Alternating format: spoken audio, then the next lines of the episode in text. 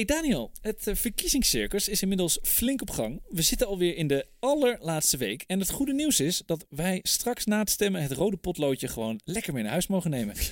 Goede business eh, voor Bruinzeel zou ik zeggen. Ja. En wij maken op verzoek van de ondernemer een bakkie links, een bakkie rechts en een bakkie live. En vandaag is het tijd voor bakkie rechts. Ik heb trouwens wel een hoop reacties gehad op bakkie links vorige week. Jij ook?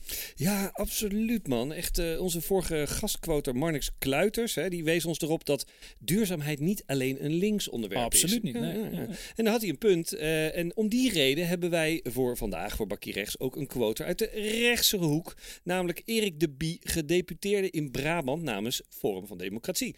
En hij is dus een uitgesproken voorstander van kernenergie. En mijn naam is Daniel Kok. Schitterend. Ja, vorige week hadden we dus Bakkie Links. Nou, mocht je dat nog interessant vinden, luister dat dan vooral nog even terug. Echt wel de moeite waard over de businesskansen van duurzaamheid, de linkse lianes, liannes en nog een gouden marketingkip van onze eigen Daniel Kok voor de PvdA.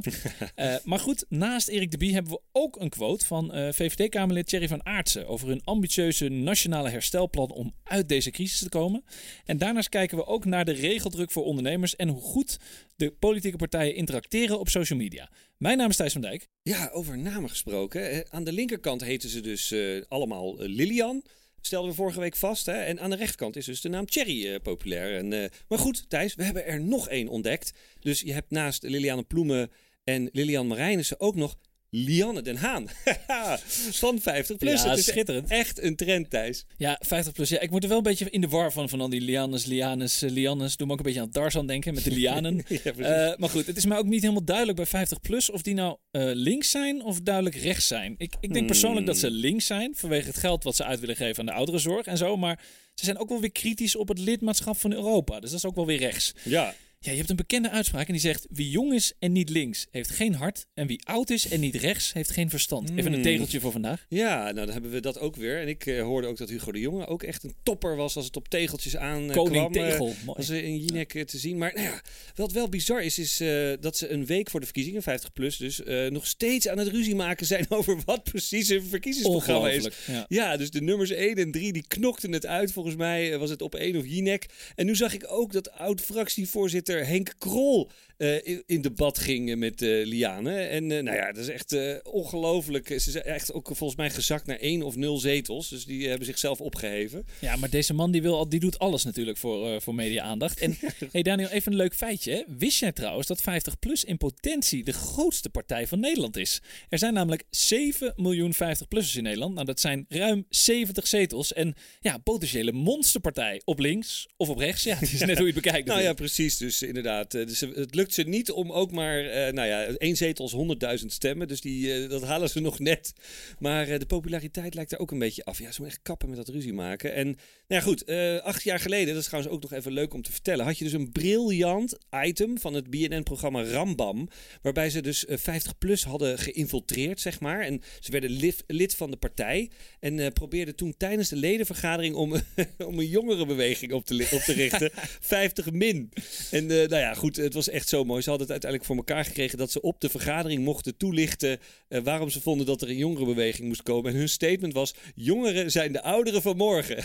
Ja, dat is wel eh, geniaal bedacht. In het kader van, eh, nou, vandaag hebben we al twee tegeltjes in deze prachtige Ja. introductie. Ja, dat is eigenlijk ook best wel een, een goed verhaal eigenlijk als ik het zo hoor. Ja. Hey, maar heel veel terug naar dat links en rechts. Ehm, Minister-president Mark Rutte zei vorig jaar nog dat hij die begrippen een beetje achterhaald vond. Nou, dat lijkt toch een beetje politicus taal te zijn. Hè? Dat ze wat opschuiven naar het links, eh, linkerkant van het spectrum als VVD zijnde. En hij zei ja. ook dat hij de rafelrandjes van het kapitalisme wil aanpakken. Ja, ja, ja. Nee, goed, als je kijkt naar wat de VVD-standpunten zijn, dat is toch wel iets veranderd hoor. Als je het vergelijkt met de Nee, tijd. absoluut. Ja. De, de tijd van eh Bolkestein of Wiegel. Ik bedoel, hè, de, de, de rode broekentijd met de sigaren. Beetje jouw tijd. ja. ja, precies. Eh, nou ja, kijk, VVD is dus nou, die is meegegaan met de klimaatafspraken van Parijs. Hè. Dus dat is al één punt. En dan voor de rest willen ze minder marktwerking in de zorg. Nou, die hebben ze zelf ingevoerd. En ze willen een hoger minimumloon. Ehm, ja, en dan willen ze dus bijvoorbeeld ook een grotere overheid. Ze willen een sterkere focus op Europa. En dan dit laatste punt is natuurlijk waarvan de rechtse partijen, zoals eh, Partij eh, van de Vrijheid, PVV, V- eh, Forum van Democratie en Ja21, juist een, meer een nexit willen. Of dat ze in ieder geval heel erg kritisch zijn op Europa. Dus in die zin eh, is VVD inderdaad echt eh, nou ja, naar het midden aan het eh, afglijden. ja, Dus, of ze zijn gewoon heel flexibel. Hè? Ook, ja, Rutte Ja. is op dit moment, nou, zo zou je het kunnen noemen, maar is best wel agile. Een beetje lekker aan het scrummen in, in de politiek. Kijk, ja, je kunt hem overal neerzetten. Je zit linksback, rechtsvoor, midden, midden. Het Nederlandse voetbal vindt hij leuk. Europees voetbal, lekker in de Champions Europa League. Champions League. Een beetje handje drukken met Trump. Ja, dat hij gaan ze maar door. deed hij slim, hè? Even die elleboog zo beet pakken, dat hij niet heen en weer gejonas werd. Ja. Maar goed, nou ja, Marijnissen van de, van de SP, die zei het dus mooi. Hè? Ze noemde Rutte een ZZP'er, een zelfstandige zonder partij. Ja, en weet je wat goeie, het mooie ja. is? Het, het werkt ook nog. Hè? Laten Ja. we dat vooral niet vergeten. Kijk, hij staat eh mijlenver voor in de peilingen. Al, al zag ik wel de laatste dagen dat er wel wat ja, veranderingen waren. Maar goed, hoe moet je die peilingen ook serieus nemen? Maar hij Ja. lijkt wel wederom de grote winnaar te gaan worden. En ja, Mark Rutte heeft het hele partijprogramma eigenlijk niet nodig. Sterker nog, het VVD heeft zelfs haar hele marketingstrategie eh, omgegooid. Ze zijn een beetje overgestapt van de, ja, de leuke quotes-campagnes naar echt marketing, hè, het zo Marketing, maar even ja. te noemen. Waarbij eh, alleen Mark Rutte centraal staat en niet zozeer de standpunten van, eh, van de VVD. En als je dan de campagnefilmpjes erbij pakt, waarin de kiezers naast, naast een soort kartonnen Mark Rutte staan, en dan krijgen ze de vraag: Nou, waarom stem jij eigenlijk op Mark Rutte? Ja, Simpel eigenlijk, Ja, maar wel reet effectief, denk ik. absoluut. Nee, ja, puur op zijn, de kracht van zijn persoon en eh, de premierbonus noemen ze dat geloof ik altijd. Hè? Ja. En de kritiek die je dus nu hoort, eh, ook in het debat wat hij onlangs had met, eh, met Geert Wilders, is dat hij de inhoud ontwijkt. Hij, hij countert wel, hè? hij reageert wel wat voor, voor de voeten wordt gegooid, maar hij is vooral bezig met laten zien dat hij hard de corona aan het aanpakken is. En hij stelt zich daar dan heel erg boven de partijen. En ja, voor de rest kun je hem niet echt vastpinnen op iets. Nee, je zou hem eigenlijk een soort moderne Neo kunnen noemen, weet je, uit de. Matrix. Hij is heel goed in het ontwijken van de, van de kogels. En ja, ik heb dat debat waar jij aan refereert ook gezien. En dat was in feite ook gewoon weer een ordinaire schreeuwpartij tussen Geert en, eh, en Mark. Slappeling dit, weglopen dat, leugenaar zus. Nou, leek wel een beetje op dat eerste debat tussen Joe Biden en, eh, en Donald Trump. Ja. Die elkaar daar ook voor rottevis uitmaakten. Ja. Niet eh, uit lieten praten. Ja, best gênant. Dit is ook wel een trend dat ik denk, nou, ik hoop niet dat die doorzet eigenlijk. Ja, de shitshow noemden ze dat toen in de, in de Verenigde Staten. Dat, dit was eigenlijk de Dutch shitshow.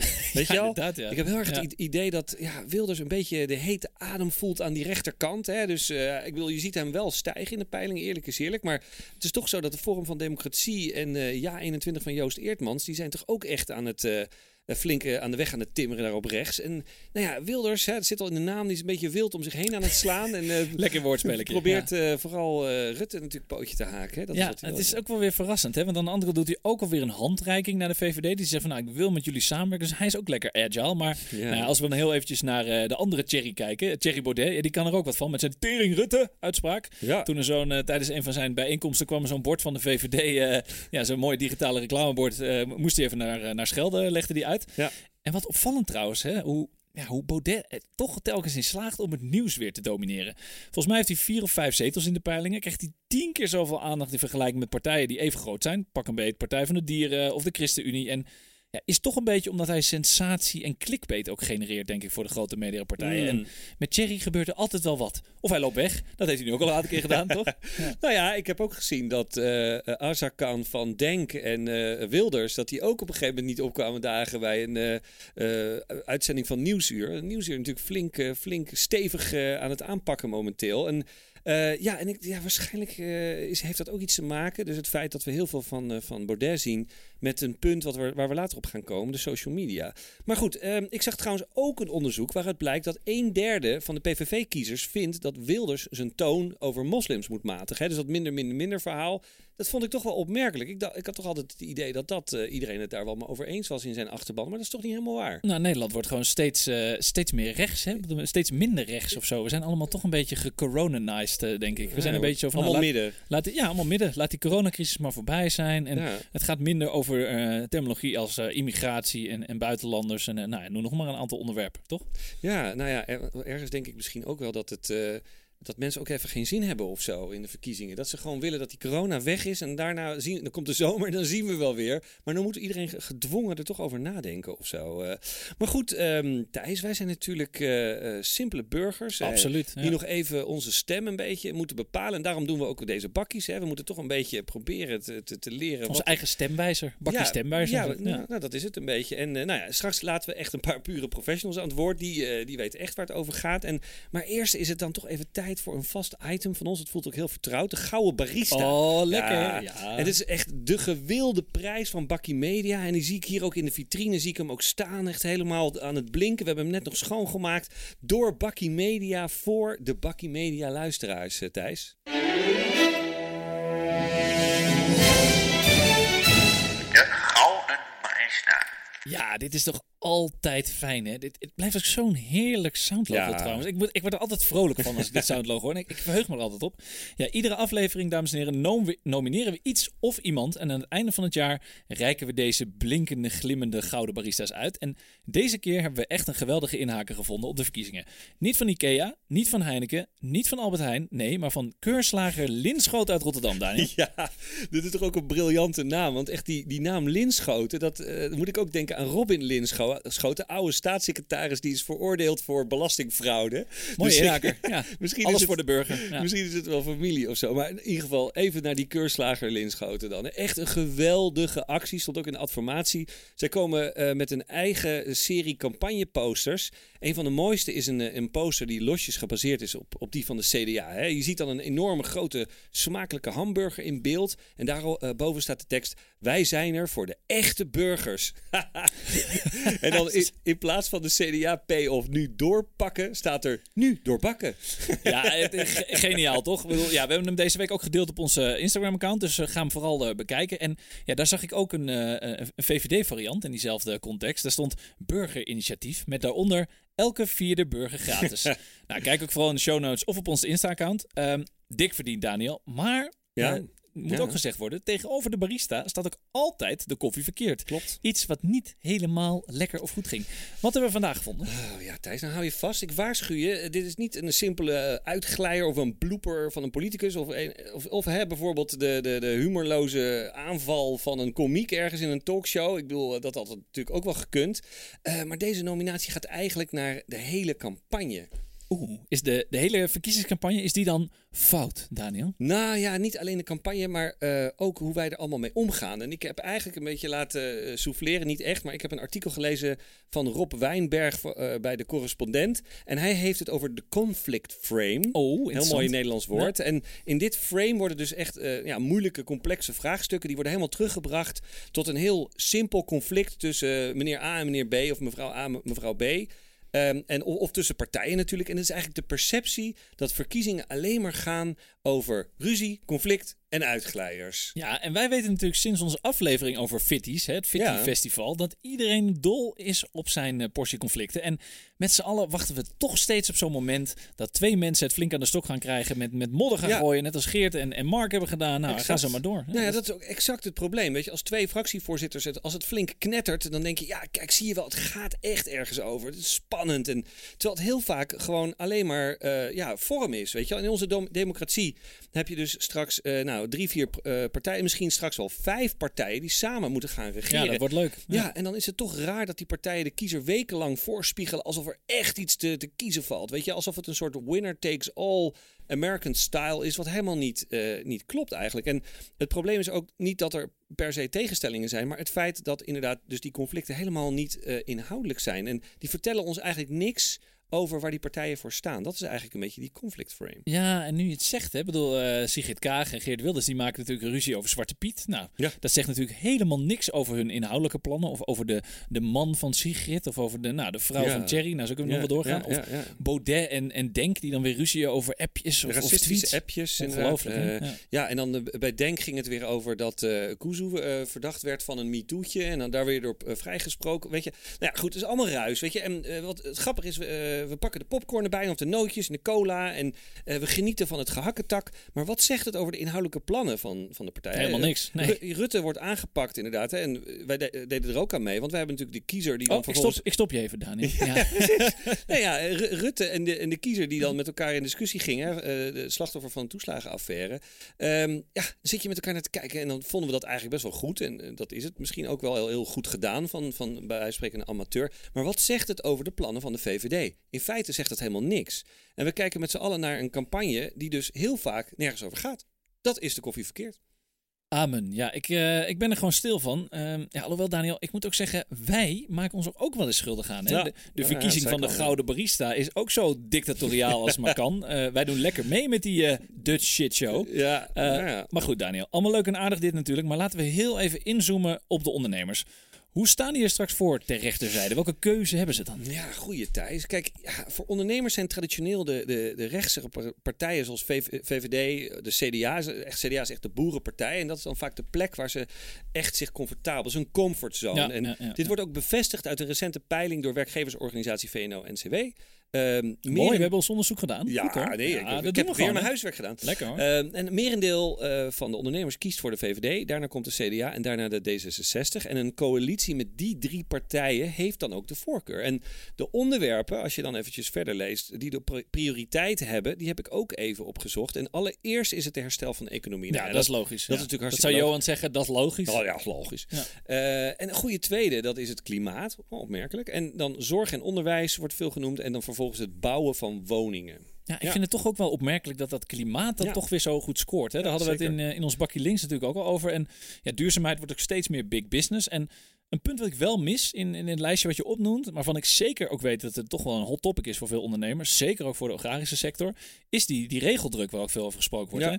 Nederland is toch het land waar iedereen letterlijk en figuurlijk de vluchten wil prukken van eh, succesvolle bedrijven. Geen vluchten, maar vruchten zou ik dan zeggen.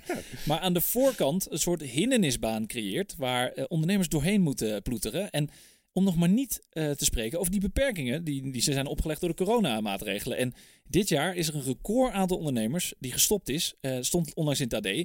140.000. Dat is 20% meer normaal. Nou, als we het dan Ja. hebben over eh, oversterfte, dan is het wel de oversterfte onder de ondernemers, denk ik. Ja, ja, ja, nou dit is wel eigenlijk ehm, een mooie inleiding voor onze eerste gastquoter Erik de Bie. Ehm, en in het rijtje ondernemerspartijen kwam zojuist eh Forum van Democratie daarnet dus niet voorbij. Maar nou ja, hun politieke strategie is op dit moment eigenlijk best wel duidelijk. Het is gericht op één ding, vrijheid. Hè? Dat kan je, Vrijheid, vrijheid, ja, vrijheid. Ja, nee, Ja. precies. Hè? Nederland moet weer vrij. En dat kan je dus interpreteren als vrijheid van de, van de, de, de, de coronaregels van de overheid. Maar ook als nou ja, het bieden van vrijheid aan ondernemers. En het klein houden van de overheid. En nou ja, goed, laten we Erik eh, het even zelf eh, vertellen. Dag Bakkie Media, wat fijn dat ik hier op rechts mag aanschuiven. Ik voel me al helemaal thuis en steek meteen van wal. Waar Nederland van zichzelf zegt een land zonder taboes te zijn, durf ik dat te betwijfelen. Alle onderwerpen zijn in Nederland in theorie bespreekbaar, in de praktijk is dat vaak anders. Een taboe dat terecht lijkt te zijn verbroken is kernenergie. Lange tijd was dat onbespreekbaar. Werden de veronderstelde risico's uitvergroot en werden de vele voordelen genegeerd, terwijl de voordelen van kernenergie evident zijn. Kerncentrales stoten geen CO2, stikstof en fijnstof uit. Kernenergie is niet afhankelijk van zon of wind. En met kernenergie hoeven wij niet ons gehele elektriciteitsnet te verbouwen. Het lijkt erop dat de publieke opinie aan het kantelen is. Niet in de minste plaats omdat het ook nog eens veel ruimte bespaart. En ruimte in Nederland is schaars. Dat zagen we onlangs in Amsterdam-Eiburg, waar pijnlijk bleek dat de liefde voor het milieu niet automatisch betekent dat je een windturbine in je eigen achtertuin accepteert. NIMBY's vind je overal, ook in groene kringen. En tegen deze groene NIMBY zeg ik, kies voor kernenergie. Hiermee voorkom je dat in je eigen achtertuin zaken gebeuren die je een ander wel toewenst. Even iets anders. Niet zozeer een taboe, maar wel een hardnekkig probleem is de regeldruk in Nederland. Het is ongelooflijk hoeveel wetten, regels, normen, statuten, gedragscodes en wat dan niet meer er in ons land zijn. Iedereen klaagt erover, maar veranderen doet het niet. Bij elk incident wordt als een reflex de vraag gesteld: wat doet de overheid? En even reflexmatig reageert de politiek met nieuwe regelgeving. En natuurlijk is ordening noodzakelijk. Onze maatschappij is te gecompliceerd en er wonen gewoonweg te veel mensen in Nederland om geen regels te hebben. Ordening mogen wij van onze overheid verwachten. Maar de mate waarin de overheid inbreuk maakt op onze persoonlijke levenssfeer en ingrijpt in de dagelijkse praktijk van de ondernemers gaat veel te ver. En dan laat ik de coronamaatregelen nog even buiten beschouwing. Ik verwacht dat de proportionaliteit van deze maatregelen achteraf worden vastgesteld door een parlementaire enquête. Het is niet zozeer de vraag of die enquête er komt, maar wanneer. In de tussentijd hebben horeca en detailhandel hun conclusies al lang getrokken. En je zou maar agrarisch ondernemer zijn in deze tijd. Concurrerend op de wereldmarkt mag je ook nog eens voldoen aan alle wetten, administratieverplichtingen, vergunningen en andere beperkingen die door de gemeente, provincie, Den Haag of Brussel over je worden uitgestort. Een agrarisch bedrijf vereist tegenwoordig eerder hogere wiskunde dan boerenverstand. Laten wij daarom het juk van de risicoloosheid en de verstikkende regelgeving van ons afwerpen en kiezen voor de vrijheid. Niet in woord, maar in daad. Op 17 maart heeft iedereen daartoe de kans. Tja, zoals Erik het hier formuleert, zijn er denk ik best wat mensen te vinden die het toch wel met hem eens zijn met wat hij zegt. Eigenlijk behoor ik daar ook wel uh, toe. Mhm. Er lijkt toch steeds meer draagvlak te zijn om, om kernenergie in elk geval serieus te overwegen. Hè. Windmolens, Ja. zonnepanelen leveren gewoon niet genoeg energie. Of mensen zeggen, ja, ik wil het niet in mijn achtertuin, hè, zoals hij ook zei over Eiburg. En ja, eh, weet je wat ook is? Duitsland is na haar sluiting van haar kerncentrales bijvoorbeeld heel erg afhankelijk geworden van het Russische gas. Ja, daarvan kan je natuurlijk ook afvragen of dat nou zo'n goed idee is. dan? Het, eh, het Poetin-gas. Of, ja, ja, weet je, je, je hebt het Sputnik-vaccin in Europa en eigenlijk heb je ook het Sputnik-gas. Hè? En, eh, Sputnik, Poetin. ja, precies. Ik heb het even opgezocht en eh, nou ja, Nederland heeft één kerncentrale en daarvan zijn we eh 4% halen we daar onze energie vandaan van Ja, kernenergie. dat is helemaal niks natuurlijk. Nee. Nee. En ja, in Frankrijk is dat dus 75%. Hè? En België heeft een kleine 50%. Maar bijvoorbeeld landen als Finland en Zweden, die zitten ook rond eh, de 30% al. En Duitsland, die dus eigenlijk eh, zijn kerncentrales allemaal dichtgegooid heeft, die zit nog steeds op 16%. En nou weet ik niet of ze dat ergens uit een buurland of zo eh, halen. Maar ja, uit Oostblok staat er nog één. ja, precies. Maar nou goed, je zou dus denken dat wij nou ja, best wel een stapje zouden kunnen zetten. Dus dat één of twee van dat soort centrales erbij. En dan zit je nou ja, op 15% of 10, 15. Eh, nou ja, dat, dat, dat zou een idee kunnen zijn, toch? Ja, mooie tip. Ja, en wat Erik ook zegt, hè, die zegt natuurlijk ook, ook over die regeldruk, waar we al eh, eerder over Ja. hadden, is toch ook wel een serieus issue aan het worden voor het succes van ondernemers.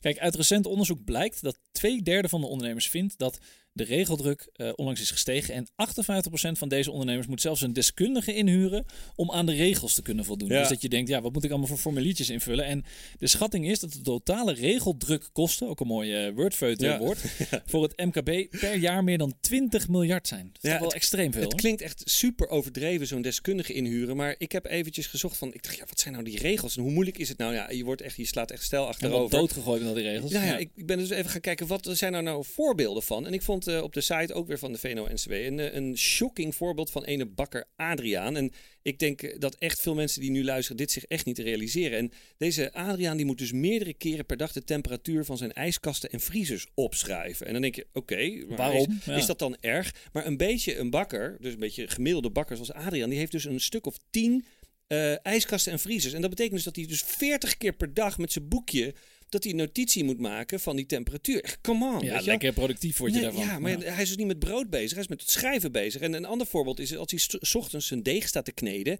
Hè, dan kan hij dus niet zomaar wat braampjes of paprikaatjes er doorheen gooien. Als hij even een creatieve bui heeft of zo. Dat, de creativiteit is gewoon verboden. Dat mag niet. Hè. Hij moet dan eigenlijk eerst eh, bijhouden wat voor ingrediënten er allemaal in zitten. En waar ze dan precies vandaan komen. Hij kan niet even aan de overkant bij de bizar groenteboer. eigenlijk als je erover Ja. nadenkt. Dat kan Nee, niet. dat, dat vind ik ook. En dat heet dus etikettering volgens de warenwet. En ik bedoel, ik snap het wel, want ze willen natuurlijk kunnen herleiden als er bijvoorbeeld een, eh, een, een outbreak is van iets, eh, weet ik veel, een voedselvergiftiging of zo. Maar dit slaat gewoon echt door. Want ja, ik bedoel, je, je kunt in twee stappen achterhalen dat het dan uiteindelijk van de bakker Adriaan eh, komt. En het toppunt was eigenlijk dat Adriaan eh, laatst verplicht een risicoanalyse moest maken. En toen moest hij dingen opschrijven als werknemers moeten niet met blote handen een bakplaat uit de oven halen. Jongens, hallo Den Haag, Brussel, Ja, wakker worden. Dit is niet oké. Amerikaanse praktijken en die Ja. arme bakker Adriaan, die heeft er natuurlijk helemaal geen tijd voor. En, ja, en dit is al erg, maar laat staan dat je als boer met dat je dat als eh, boer moet doen met levende beesten of zo. Maar goed, Ja, ja. Daniel, wij weten natuurlijk geen bal van politiek. Hè? We, we ouwe hoeren over virussen als virologen, we praten over politiek als politicologen. Leuk? Maar waar we wel wat van af weten, althans dat schijnen we te, te- te denken, Ja. is eh, van marketing en media. Dus als je door die bril nou even kijkt naar deze eh, campagneperiode, zijn er dan dingen die jou speciaal zijn opgevallen deze tijd? Ehm, nou, er is door de NOS met eh CrowdTangle, heb ik weet niet of je daar ooit van Oh, mooie gehoord hebt. Ja, nee, ik had er wel eens van gehoord, ja. Ja, precies. En, er is een studie gemaakt van de social media van alle partijen. En ja, hoeveel interacties ze hebben met potentiële kiezers en hoe groot ze zijn. En nou, ja, drie keer raden. Mm, nou, ik gok natuurlijk op Rutte, dat hij de grootste is als premier. Eh, en misschien dat partijen als eh Bijeen en Volt en Splinter het qua interactie misschien goed doen, zoiets? Eh, nou, je zit wel goed. In ieder geval deels. Qua aantallen is dus de premier inderdaad het grootste. Hè? Ik bedoel, dat is een puur, Logisch, ja. puur op het ambt, zou je kunnen zeggen. Maar de, de meeste interacties, en dan heb ik het echt over by far, die liggen bij Forum van Democratie als partij en bij Thierry Baudet als leider. Dus echt gewoon, dat is Het echt is door zijn trollenleger natuurlijk. Zo'n Ja, online trollenleger ja, die nou op hem gaat zitten tweeten de hele dat, tijd. dat, dat zou heel goed kunnen. En daarna volgt ehm, eh, Geert Wilders. Dus de, eh, de PVV zelf heeft geen partijaccounts. Maar hij zelf is ook heel groot op social media. Of in ieder geval qua interacties, hè, begrijp me goed.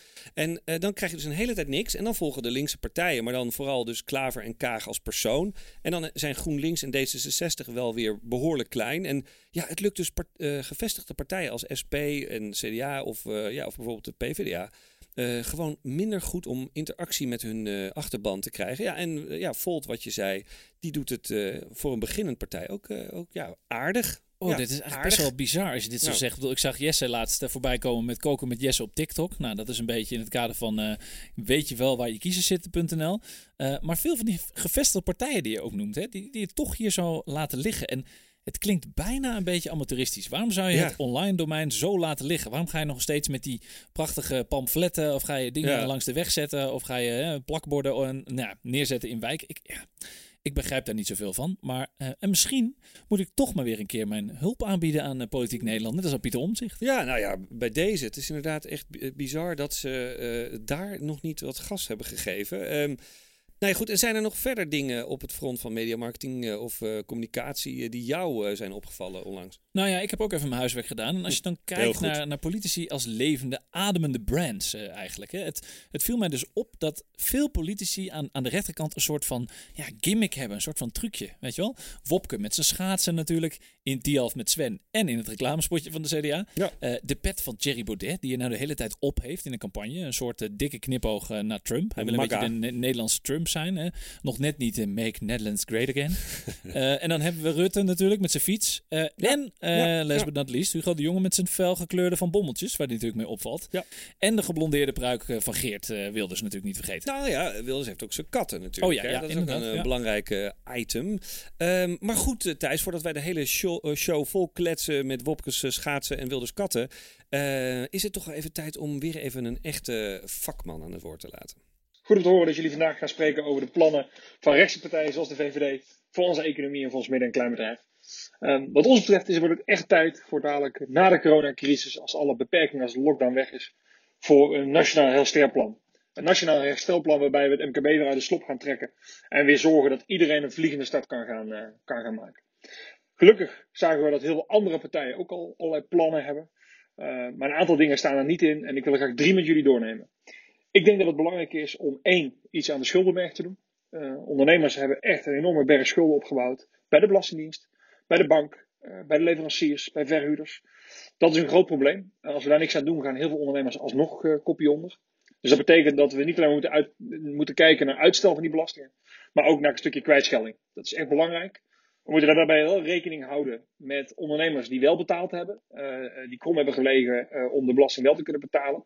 Daar moeten we iets voor verzinnen. Maar we kunnen er dadelijk niet omheen om die schuldenberg naar beneden te brengen voor dat MKB. Een tweede belangrijk punt is volgens mij, hoe zorgen we er nou voor dat eh, ondernemers gaan investeren? De belangrijkste investeringen komen uit de private sector.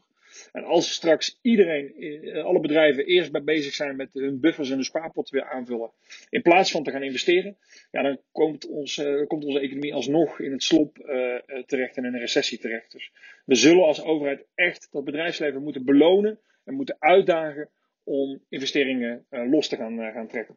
En een laatste punt is, we moeten zorgen dat het MKB lucht gaat krijgen. Wat ik al zei, de spaarpotten, de buffers, de pensioenpotten zijn op. Die moeten aangevuld worden, die moeten aangesterkt worden. En dat doen we door het MKB lucht te geven. Het stomste wat je nu kan doen, is lastenverlichting eh, voor het midden- en kleinbedrijf. Sorry, lastenverzwaring voor het midden- en kleinbedrijf. En we willen juist als VVD lastenverlichting voor het eh, midden- en kleinbedrijf. Door ervoor te zorgen dat bijvoorbeeld er een middenstandskorting eh, komt, staat in ons verkiezingsprogramma. Maar ook de, lonen, eh, de kosten op, eh, op loon en op arbeid moeten naar, eh, naar beneden. De MKB-winstvrijstelling moet, moet omhoog. Box 2 eh, eh, moet naar beneden, het percentage. Dat soort zaken zijn echt nodig om ervoor te zorgen dat onze economie, maar vooral onze ondernemers, een hele mooie, een goede vliegende start hebben dadelijk na als al deze ellende voorbij is. Ja, dankjewel Thierry Aartsen in dit geval. Eh, een plan om uit corona te komen is voor VVD op dit, op dit moment natuurlijk buitengewoon slim. Kijk, want als mensen denken aan het gevecht tegen corona, dan denken mensen als eerste aan Mark Rutte. En zo'n plan is natuurlijk voor de ondernemers altijd in de kern fijn. Maar ik denk wel dat er veel bedrijven zijn die niet willen wachten tot na de formatie, maar vandaag of morgen willen worden geholpen. En dat, dat zegt Thierry natuurlijk ook echt terecht. En ze wachten op geld of moeten geld terugbetalen. Hij moet een schuldenberg tegengaan. En daar speelt Rutte natuurlijk weer heel erg slim op in. Door te zeggen dat er een soort schijnkabinet moet komen die doorpakt. Eventjes de, hè, de quote van, eh, van CDA van Wopke Ja, meenemen. ja, ja, ja. Erg slim gedaan, vind ik. Nou ja, kijk, eh, bij de ondernemers is op dit moment wel, eh, wel veel leed. Dat, dat is absoluut waar. En nou ja, wat ik eigenlijk opmerkelijk vond ook van, van dit herstelplan, is dat ze de bouwstenen voor dit plan halen uit de verkiezingsplannen van andere partijen. En dat ze daar dan een soort van collectief plan mee bouwen. En op die manier hopen ze dan een soort eh, draagvlak te creëren voor iedereen en alles. eh, ja, om eh, nou ja, verder te gaan. Ja, maar Dat- VVD wil gewoon alvast beginnen met de formatie, Daniel. En daar zijn de andere partijen gewoon niet zo heel erg grappig op. Dus ja, die noemen het dan weer een soort campagnetruc. De nieuwe Rutte-doctrine, Ja, denk ik. ja. Een beetje of zo. Maar het is ook een, wel een slimme truc. Absoluut, Ik bedoel, ja. het sluit eigenlijk ook bij aan bij wat we net over Rutte zeiden. Hij, hij zweeft boven de partijen als coronapremier. Eigenlijk is het niet een zwevende kiezer, maar een zwevende Toch die Messias, net als Jessias hebben we de Messias. Ja, ook. het is de zwevende politicus. Dat is een Ja. nieuw fenomeen, weet je wel. Ja, precies.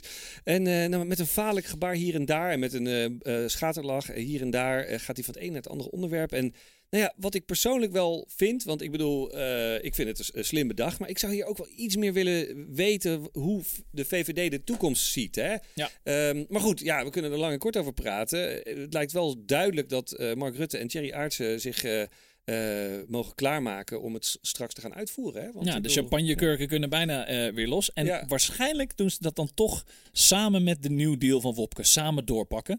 Maar daarover... Mini, Ru- mini Rutte. Mini Rutte, ja, Mini Rutte. Nou, maar, daarover, maar daarover, Daniel, even een kleine teaser voor Bakkie Binnenhof Live. Want ja, Daniel, we zijn alweer aan het einde gekomen van deze aflevering Bakkie Binnenhof Rechts. En die is als gebruikelijk terug te luisteren op alle bekende podcastplatformen. Ook zijn we terug te vinden bij onze mediapartners, De Ondernemer, Adformatie en Topcast Media. Je kunt ons ook vinden op de sociale media. Op Twitter via @bakkiemedia, op Instagram via @bakkiemediapodcast en ook op Facebook voor onze familie en vrienden. Tot de volgende keer. Doei!